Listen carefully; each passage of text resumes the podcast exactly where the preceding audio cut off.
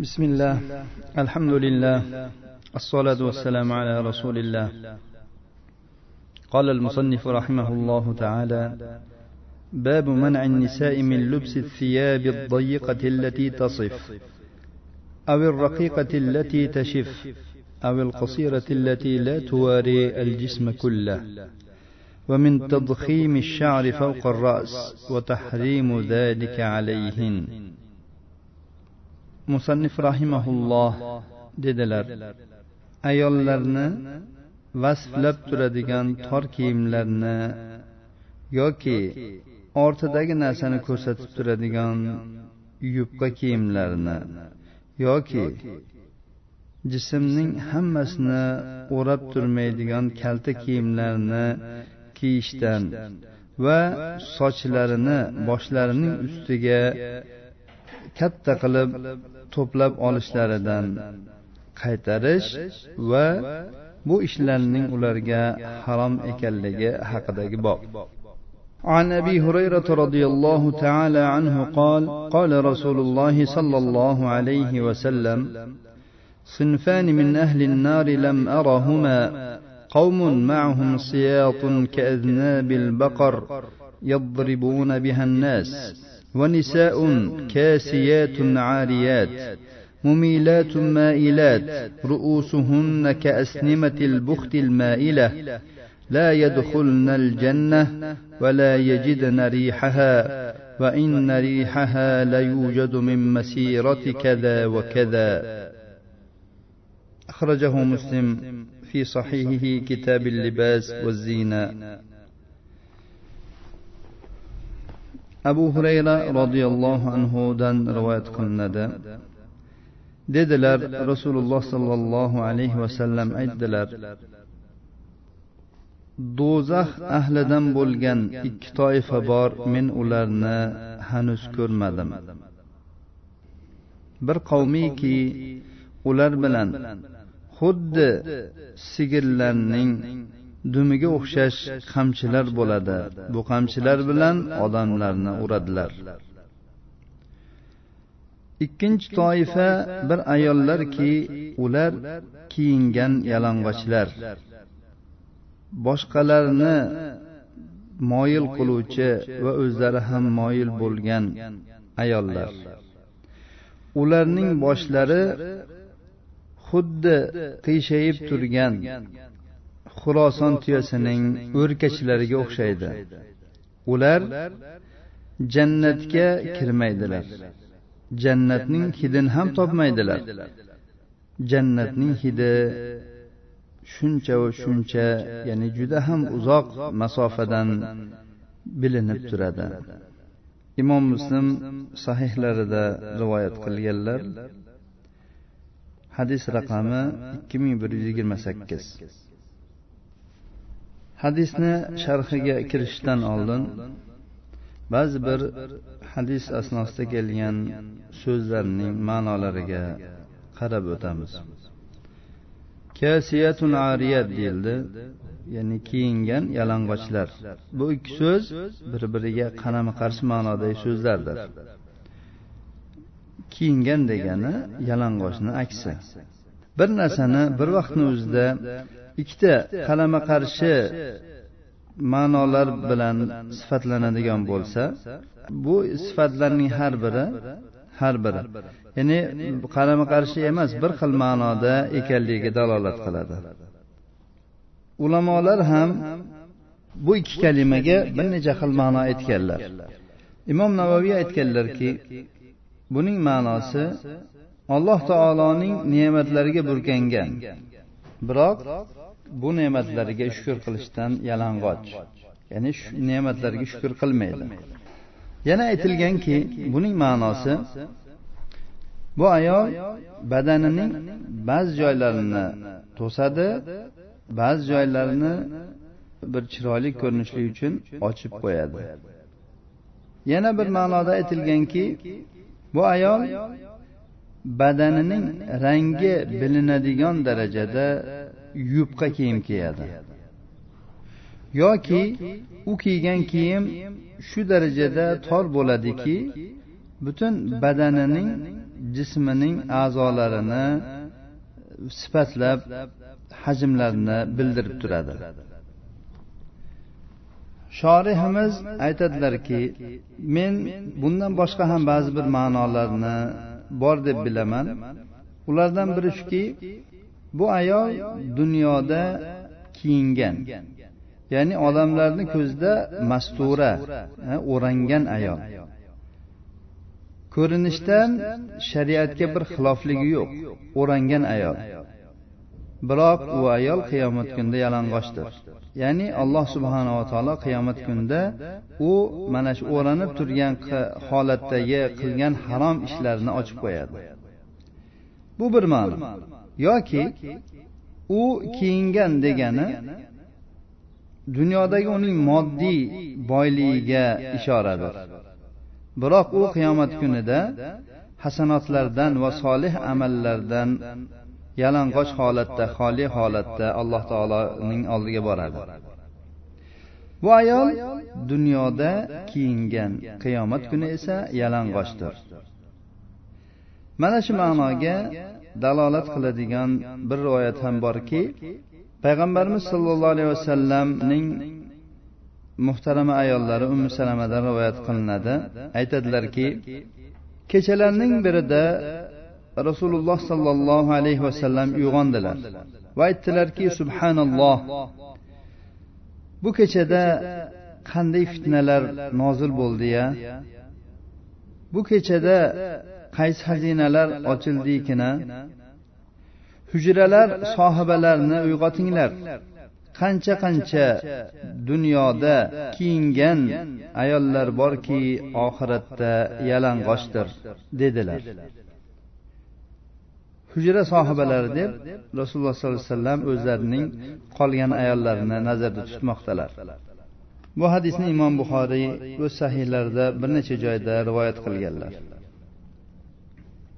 Shorihimiz aytadilarki so'ngra men ibn hajar rahimaullohning shu xususda aytgan gaplarini ham topdim.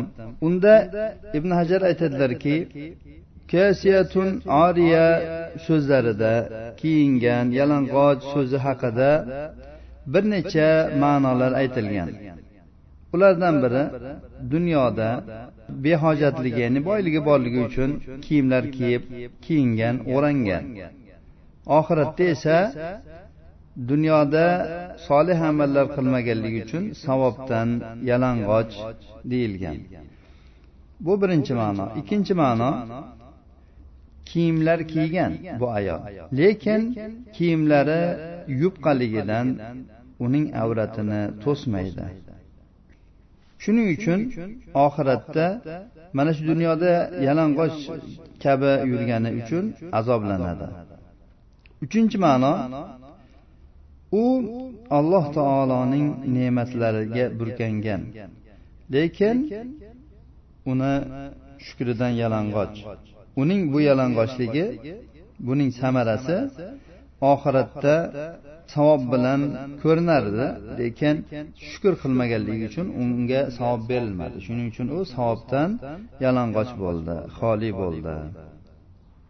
To'rtinchi ma'no u jasadini badanini kiyim bilan to'sgan kiyim kiyib o'ragan.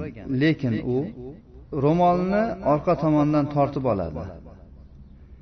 Ya'ni ro'molni to'la tashlab yopinmaydi. Yopinchig'ini to'la yopmaydi. Shu sababli uni ko'kragi ko'rinib qoladida u xuddi yalang'och ayol kabi bo'lib qoladi. Ko'kragi ochilib qolganligi uchun. Shu bois u oxiratda jazolanadi. Beshinchi ma'no bu ayol solih bir erga tekkan. Shu bilan u kiyingandir. Oxiratda solih amallardan yalang'ochdir. Erining solih kishi bo'lishligi bu ayolga foyda bermaydi oxiratda. Dunyoda ham albatta foyda bermaydi. Ibn hajar so'zlarining naqli nihoyasiga yetdi. Mumilatun mailat deyildi hadisda. Imom navoiy aytadilarki moilot moyil bo'luvchilar deyilgani alloh taoloning toatidan va saqlashi lozim bo'lgan narsalardan moyildirlar. Ya'ni buni qilmaydilar. Bundan burilib ketganlar. Mumilat buruvchilar yoki moyil qiluvchilar boshqalarni buruvchilar moyil qiluvchilar degan ma'noda ya'ni boshqalarga ham boshqa ayollarga ham o'zlarining qabih amallarini qabih ishlarini o'rgatishadi. boshqa bir joyda aytilganki ular yelkalarini uchirib jilpanglab yurishadi. yana bir ma'nosida aytilganki ular fohisha buzuq ayollarga o'xshab sochlarining yarmasini yonboshdan ochadilar. mumiylat degani esa boshqalarni ham burishadi degani boshqa ayollarni ham sochlarini xuddi o'shanaqa qilib yonboshdan yarmi ochib tarab qo'yishadi degan ma'noda. naql nihoyasiga yetdi. aslida moyillik mo'tadillikdan burilishdir ya'ni to'g'ri yo'ldan burilish bu to'g'ri yo'ldan burilishni ham o'z ichiga oladi va imom navaviy yuqorida aytgan ishlarni ham o'z ichiga oladi. Bu burilishlar bu moyilliklar faqat imom navaviy aytgan narsalarga cheklanib qolmay ayollar ya'ni vaqtlar o'tishi bilan paydo qiladigan har xil ya'ni burilishlar ham e, bunga kiraveradi. Chunki har bir zamonning o'z ya'ni mayilliklari bor. Biz yuqorida hadisning ma'nosida aytdikki xuloson tuyasining o'rgachiga o'xshab. Xuloson tuyasi ikkita o'rkachi bilan tanilgandir. Ammo arabiston tuyalari bitta o'rkachli bo'ladi va odatda bitta o'rkachli tuyaning o'rkachi moyil bo'lmaydi ya'ni qiyshayib turmaydi. Va kattaligi ham unaqa juda xuloson tuyalarga o'xshab katta bo'lmaydi. Rasululloh sollallohu alayhi vasallam bu ayollarning boshlarini xulosan tuyasining o'rgashiga o'xshatyaptilar. Bu bir jihatdan katta bo'lsa ikkinchi jihatdan qiyshayib turadigan o'rkach bo'ladi. Bu xususda inshaalloh quyida so'z yuritiladi. Musannif hafizahulloh hadisni sharhlashga kirishib deydilarki rasululloh sollallohu alayhi vasallam xabar berdilarki ikki toifa odam bor men ularni ko'rmadim. Ya'ni ular rasululloh sollallohu alayhi vasallamning muborak davrlarida topilmagan ekanlar mavjud bo'lmagan ekanlar. Ular keyinchalik paydo bo'lishar ekan. Bu ikki toifa erkaklar va ayollar toifasini o'z ichiga oldi. Go'yoki bu ikki toifa juda ham ya'ni bir biriga bog'liq va buzuqlikda bir biriga juda ham yaqin. Shuning uchun birga zikr qilindi. Erkaklardagi bu toifa zolim qattiqqo'l insonlar. Odamlarni xuddi qamchi sifat narsalar bilan.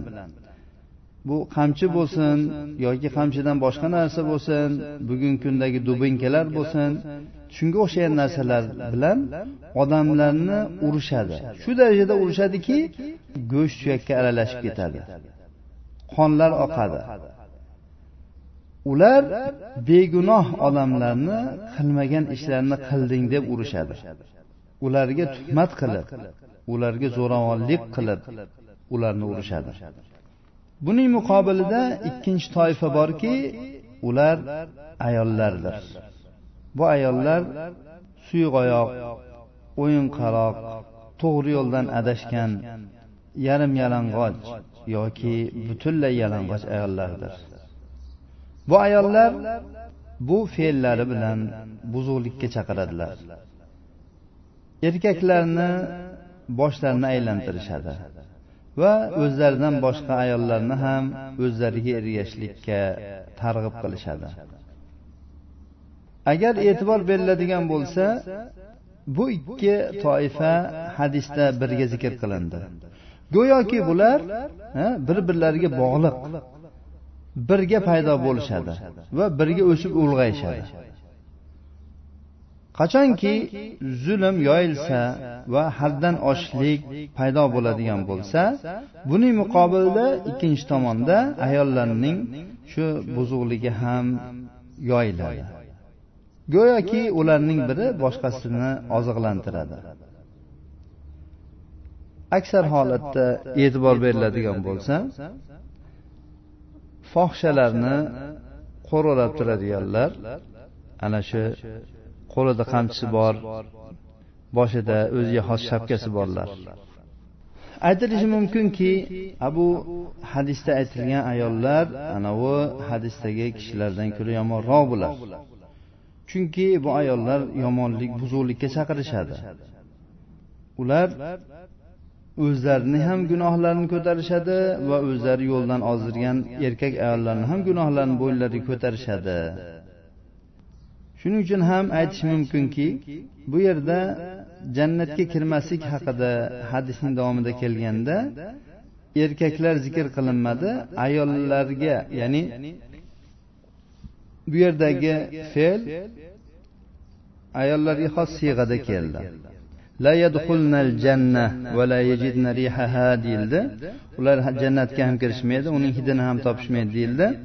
Bu yerda ayollarga xoslangan bo'lsa ham bu ularni shu haqiqatda qiladigan gunohlarining ko'proq kattaroq ekanligiga ham dalolat qiladi. Bunday bo'lishligi erkak anavi zolim erkaklarni bu kabi vaiddan uzoq bo'lishliklariga hech qanday dalolat qilmaydi. Ular ham mana shu vaid ostidadirlar. Bu hadis dalolat qilmoqdaki odamlar payg'ambarlik asridan nubuvvat asridan qancha uzoqlashsalar ular ichida shunchalik payg'ambarlik zamoniga xilofliklar va buzuqliklar keng yoyilaveradi ekan ular ichida. Hadis yana ayol kishi e, sadr qilishning vojibligi badanni ochishlik esa harom ekanligiga dalolat qilmoqda. Chunki qattiq vaid harom ishni qilishga va farz ishni tark qilishgagina keladi. Ochish ikki xil bo'ladi. Haqiqiy ochish bo'ladi ya'ni haqiqiy ochishda ochiq turgan a'zolarni satr qiladigan bir kiyim bo'lmaydi. Ya'ni yalang'och bo'ladi. Zohiriy ochish bo'lishi mumkin. Ya'ni o'zi ustida libosi bo'ladiyu lekin u libosni tagidan butun badan ko'rinib turaveradigan bo'ladi. Bu kabi zohiriy ochish yupqa kiyimlarda bo'ladi. Garchi u keng bo'lsa ham yupqa kiyim bo'lsa tagida narsa ko'rinib turaveradi. Yoki o'zi qalin bo'lsa ham tor kiyimda bo'ladi. Tor bo'lganligi uchun butun a'zolarning hajmi bilinib turaveradi. Xuddi ochiq narsaday. Bu esa alloh subhanava taolo satr qilishlikka buyurgan narsani ochishlikdir shunga ko'ra ayollar bu kabi kiyimlarni kiymasliklari kerak. Bu kiyimlar bilan begona erkaklar oldida ko'rinmasliklari kerak. Chunki bu narsa kiyimni kiyishdan bo'lgan maqsadni ro'yobga chiqarmaydi. Bu ayolning valisi ayolni bu ishdan man qilish kerak. Valisi otasi bo'ladimi akasi bo'ladimi eri bo'ladimi yoki hokim bo'ladimi? alloh taolo musulmonlar ustiga tayinlab qo'ygan hokim bo'ladimi? bularning hammasi ayol kishini haqiqiy bo'lsin zohiriy bo'lsin yalang'ochlanishdan man qilishlari kerak bo'ladi. er ota aka o'z oilasidagi ayollardan mas'ul bo'ladigan bo'lsa hokim o'zining yurtidagi butun ayollardan o'zini yurtiga kelayotgan butun ayollardan mas'ul. Agar u ularni shu ochiq sochiq kelishga yarim yalang'och yoki qip yalang'och yurishlariga yo'l qo'yib berayotgan bo'lsa bu alloh taoloni oldida javobini beradi. Ko'p ayollar haqiqiy yalang'ochlanish yoki avrat joylarini ochishlikdan ehtiyot bo'lishadi. Lekin ular zohiriy yalang'ochlanish va ochilishga e'tibor bermaydilar. Shuning uchun ham ularning ko'plari mana shu holatga tushib qolayotganligini ko'rasiz. Ulamolarimizning kasiyatun ariyat kiyingan yalang'ochlar degan so'zlarga bergan izohlari bu ochilish qaysi yo'l bilan bo'lmasin hammasi mumkin emasligiga dalolat qilmoqda. nabiy sollallohu alayhi vasallamdan va sahobalardan rivoyat qilingan ular kiyim borasida juda ham ehtiyot bo'lishgan imom ahmad rahimaulloh rivoyat qiladilar. Usomat ibn zayd roziyallohu anhudan aytadilarki rasululloh sollallohu alayhi vasallam menga bir qalin qubtiya berdilar. Bu dihyatil kalbiy hadya qilgan qubtiyalardan edi. Qubtiya deb misrdan keltiriladigan ma'lum bir matoga aytiladi. Goh ulamolar uning rangi oq bo'lgan deb aytishadi. U gohida yupqa ya'ni ya'ni ich ko'rinadigan yupqa ham bo'lgan. Gohida ich ko'rinmasada o'ta yupqaligidan zich to'qilgan bo'lsa ham yupqaligidan badanni hajmini vasflab turadigan bo'lgan. Aytadilarki usoma men bu matoni ayolimga berdim. u ko'ylak qilib uni kiydi. rasululloh sollallohu alayhi vasallam menga aytib qoldilarki men senga bergan qubtiyani kiymayapsan dedilar. Men aytdimki rasululloh men uni ayolimga berdim. U zot aytdilarki ayolingga buyur uning ostidan astar qilib olsin dedilar. Men bu kiyim uning badanini vasflab qo'yishligidan qo'rqaman dedilar.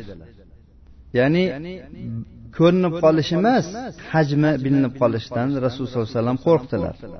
Dahyatimni xalifatil kalbiydan rivoyat qilinadi aytadiki rasululloh sollallohu alayhi vasallamga qubotiy matohlar kelganda menga ham ana shu qubtiyalardan birini berdilar. Va aytdilarki buni ikkiga bo'l.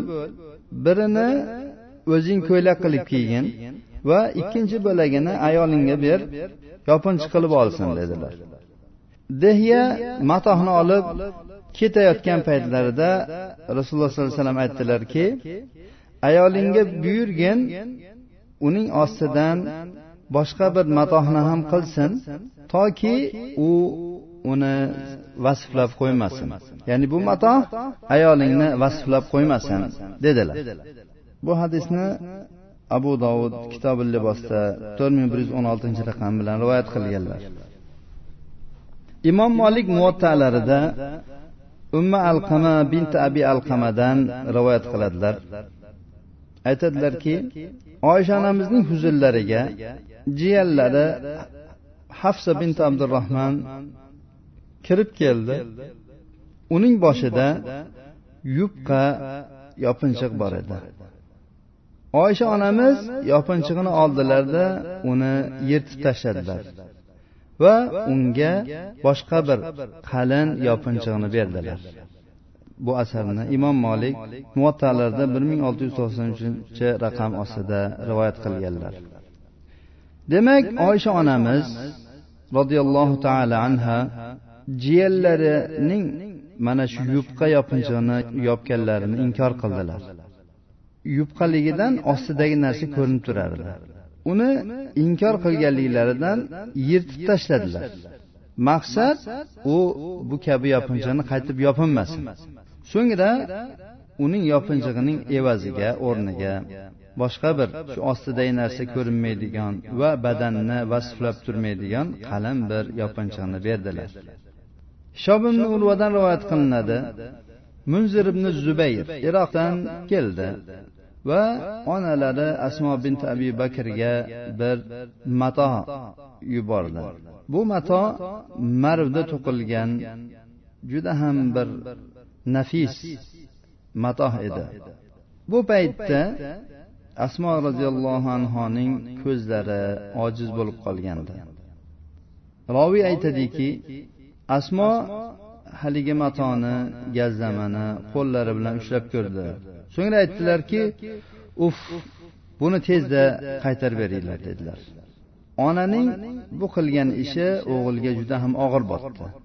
Og'ir botib kelib aytdiki ey ona bu tagidagi narsani ko'rsatmaydi yupqa emas dedilar. Shunda aytdilarki agar tagidagi narsani ko'rsatmasa bu vasflab turadi dedilar. Abu bakr roziyallohu anhuning qizlari asmo. O'z o'g'li hadya qilgan mana shu matoni bu satrga yaroqli emas ekanligi uchun qaytarib yubordilar. Bu satrga yaramaydi deb. O'g'li esa endi shu tagidagi narsa ko'rinib qoladi degan gumonda qaytardilar deb o'ylab o'zini oqlash uchun ey ona buni tagidagi narsa ko'rinmaydi deganlarida aytdilarki yo'q bu faqat ya'ni yupqaligidan tagidagi narsani ko'rsatmasligi lozim emas. Bu yupqaligidan tagidagi narsani vasflab uning hajmini bildirib qo'yishligi ham mumkin emas deb boshqa bir illatini ham aytib berdilar.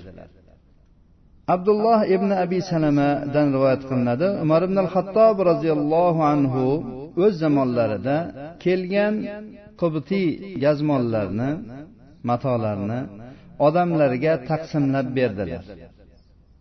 So'ngra aytdilarki buni ayollaringiz ko'ynak qilib kiymasinlar. Shunda bir kishi aytdiki ey amiril mo'minin men siz bergan matoni ayolimga berdim u ko'ylak qilib kiydi. U uyni ichida u yoqqa bu yoqqa yurdi hech nima ko'rinmadi ko'ylagini ostidan dedi. Shunda umar aytdilarki agar u tagidagi narsani ko'rsatmagan bo'lsa u vasflab turadi. Yupqaligidan ya'ni o'zini tashlab turganligidan badanni vasflab turadi dedilar. Ibn abi shaybaning musannaflarida umar ibn umar ibn abbos roziyallohu anhulardan vorid bo'lgan asarlarning hammasida garchi u ya'ni o'sha mato haqida aytilyapti. Garchi u ostidagi narsani ko'rsatmayotgan bo'lsa ham u vasflab turadi deyilgan. Demak bu so'zlar dalolat qilyaptiki ayol kishini satr qilib turadigan kiyim vasflamaydigan va ostini ko'rsatmaydigan kiyim bo'lishi kerak ekan. Qubotiy o'sha aytilgan misriy matoni kiyishdan man qilish bu faqat shu quboti e, matosiga gazlamasigagina xos emas. Balki bu qaysi asrda bo'lmasin qaysi zamonda bo'lmasin ostini ko'rsatib turadigan yoki ostini ko'rsatmasa ham vasflab turadigan o'zini tashlab yupqaligidan yoki e, qalin bo'lsa ham o'zini tashlab turganligidan ostidagi jism a'zolarini vasflab turadigan e, matoni kiyish ayol kishini satr qiluvchi mato deb e'tibor qilinmaydi ekan demak basharani ya'ni badanni ko'rsatib turadigan yupqa kiyimlar torligidan jism a'zolarini vasflab turadigan tor kiyimlar ayollarga nisbatan man qilingandir. Bu kabi vasfdagi matolar zamon va makonlarga qarab turli bo'lishi mumkin. Shunga ko'ra yuqorida aytib o'tilgan ikkita illati bor kiyimni kiyish ayollariga mumkin emas. Bu qubotiy bo'ladimi shifon bo'ladimi strech bo'ladimi uning farqi yo'q. Bizni bugungi zamonamizda yupqa matohlarga shifon deyiladi. O'zini tashlab turadigan so'lqillab osilib turadigan kiyimlarga strech deyiladi. Demak shifon matolardan strech matolardan tikilgan kiyimlarni kiyish ayollarga nisbatan mumkin emas. Bu ayollarning huzurida bo'lsa ham mahramlarning huzurida bo'lsa ham. Endi munkar yana ham ziyodalashadi agar ayollar bu kiyimlarni begonalarni oldida kiyishadigan bo'lsa. Ammo erning oldida bu kabi kiyimlarni kiyish joiz. Ota onani aka ukaning oldida ham bu kabi strech kiyimlarni kiyish e, shifonga o'xshash shaffof kiyimlarni kiyish mumkin emas. Ost ko'rinib turadigan kiyimlarni kiyish. Ming afsuslar bo'lsinki bugungi kunda eng oxirgi model hijoblar qora hijob bo'lsin boshqasi bo'lsin aksarlari strech materiallardan tikilmoqda. Ayollar o'z shariatlari dinlaridan bexabar bo'lganliklaridan bozorda nima sotilsa shuni olib kiyishyapti holbuki bu hijoblar hijob aslida ayolni ziynatlarini bekitib turishlik uchun edi. bu hijoblar ayollarni yopilib ya'ni ko'zga ko'rinmay turgan ziynatlarini oshkor qilib bermoqda. Qo'pol qilib aytiladigan bo'lsa strech hijob kiyib olgan ayolni ichki kiyimlarining shakli orqasidan ko'rinib turadi. Muslima opa singillarimiz bu masalaga jiddiy qarashsinlar va shaytonning ig'volariga uchmasinlar. Mana hijobku qora hijobku deb to'g'ri hijobni olib kiyishmasin.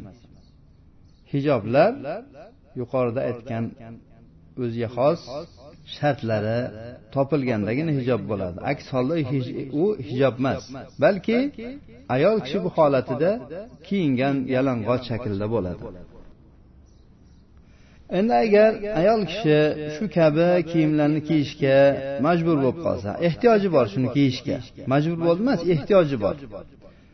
Bunday holatda uning ostidan bu illatni zoil qiladigan sababni qilish kerak. Ya'ni qalinroq matodan ostidan kiyim kiyib olish kerak bo'ladi.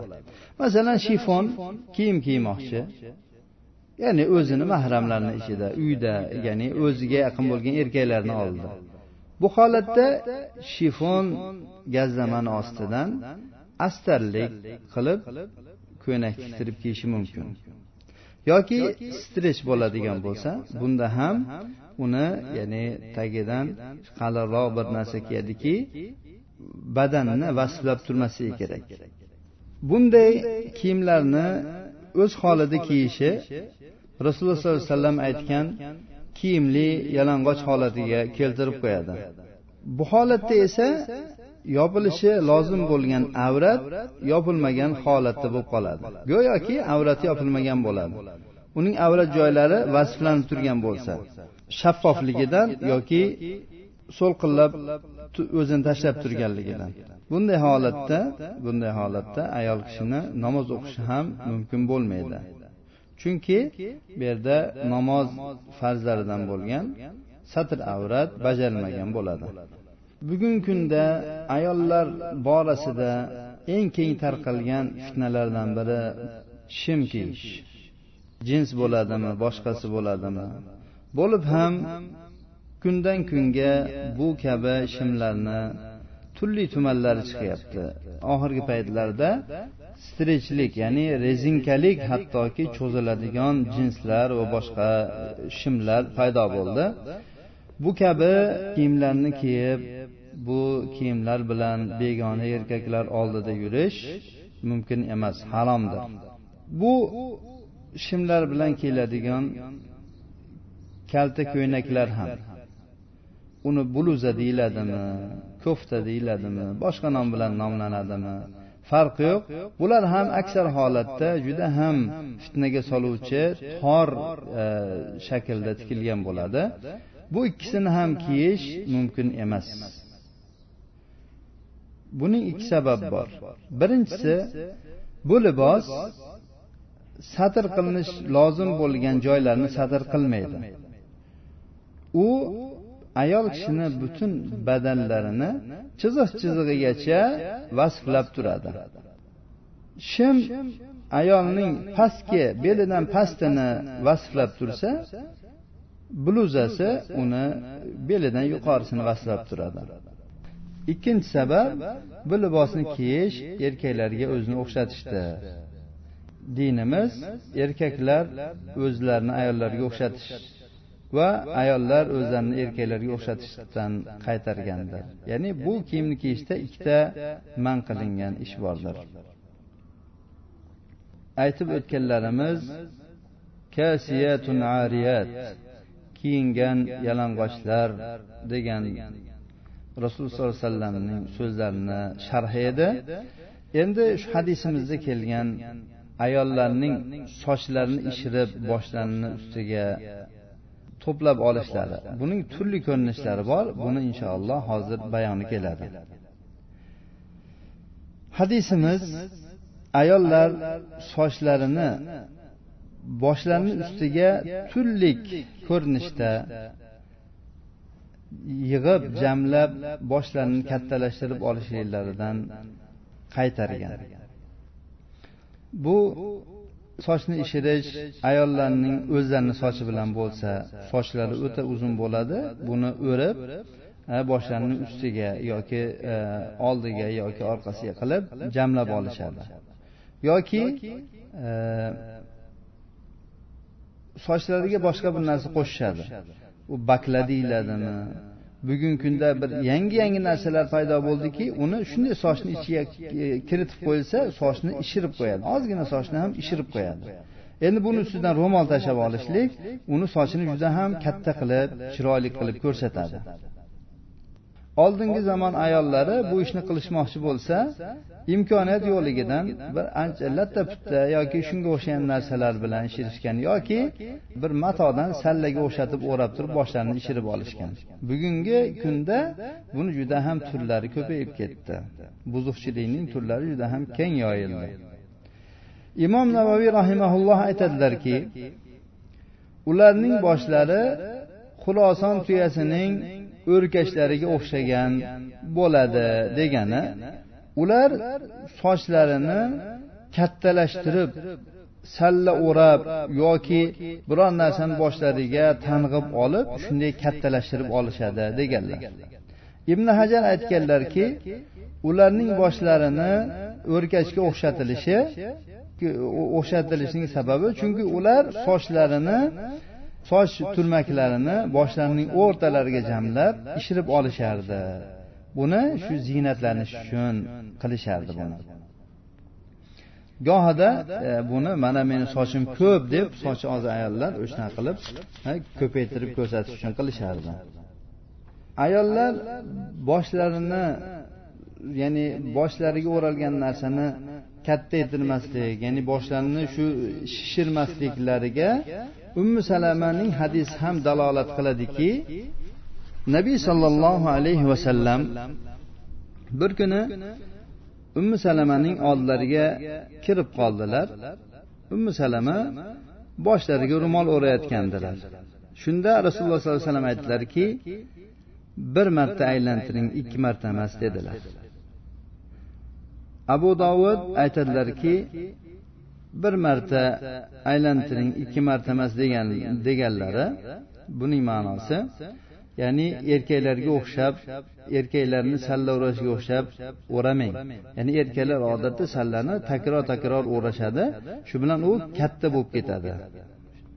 Shunga aytdilarki bir marta aylantiring ikki marta emas dedilar. Nabiy sallallohu alayhi vasallam demak ayol kishini shu boshini kattalashtirishdan shishirishdan qaytardilar. bu boshiga o'ragan ro'mol bo'ladimi yoki u o'rayotgan ro'molni qayta qayta ya'ni o'rab oladimi buning farqi yo'q. Bu o'rashni biz shunday tushunishimiz kerakki ayol kishi boshiga ro'molni gohida sharf degan hozirgi kunda ismlanadigan ro'molni ikki uch marta boshdan aylantirsa bo'laveradi. Chunki bunda ishish boshqa bo'lmaydi bu balki yupqaroq bo'lsa u ko'proq satr qiladigan holatga keladi. Ammo bu yerda qaytarilgan shakl o'sha mato yo qalin bo'ladi o'ta yoki u burama shaklda bo'ladi eshilgan bo'ladi. Xuddi sallani matosiga o'xshab. Shunday holatda uni takror takror aylantirib o'rashlik mumkin emas ayollarga. Agar e'tibor bergan bo'lsanglar ayollarning ba'zi bir ro'mol o'rash ko'rinishlari mana internet sahifalarida hozir juda ham ko'p xuddi mana shu shaklda bo'ladi. xuddi arqon kabi eshilgan e, ro'molni boshlariga xuddi soch turmagini aylantirganda aylantirib aylantirib o'rashib oladi. bu shakllar mumkin emas. shayxul islomdan so'raldiki ayollar bugungi kunda kiyayotgan sallalar ya'ni xuddi bu salla misol kiygan boshlariga o'ragan ro'mollari harommi yoki makruhmi? U zot javob berib aytdilarki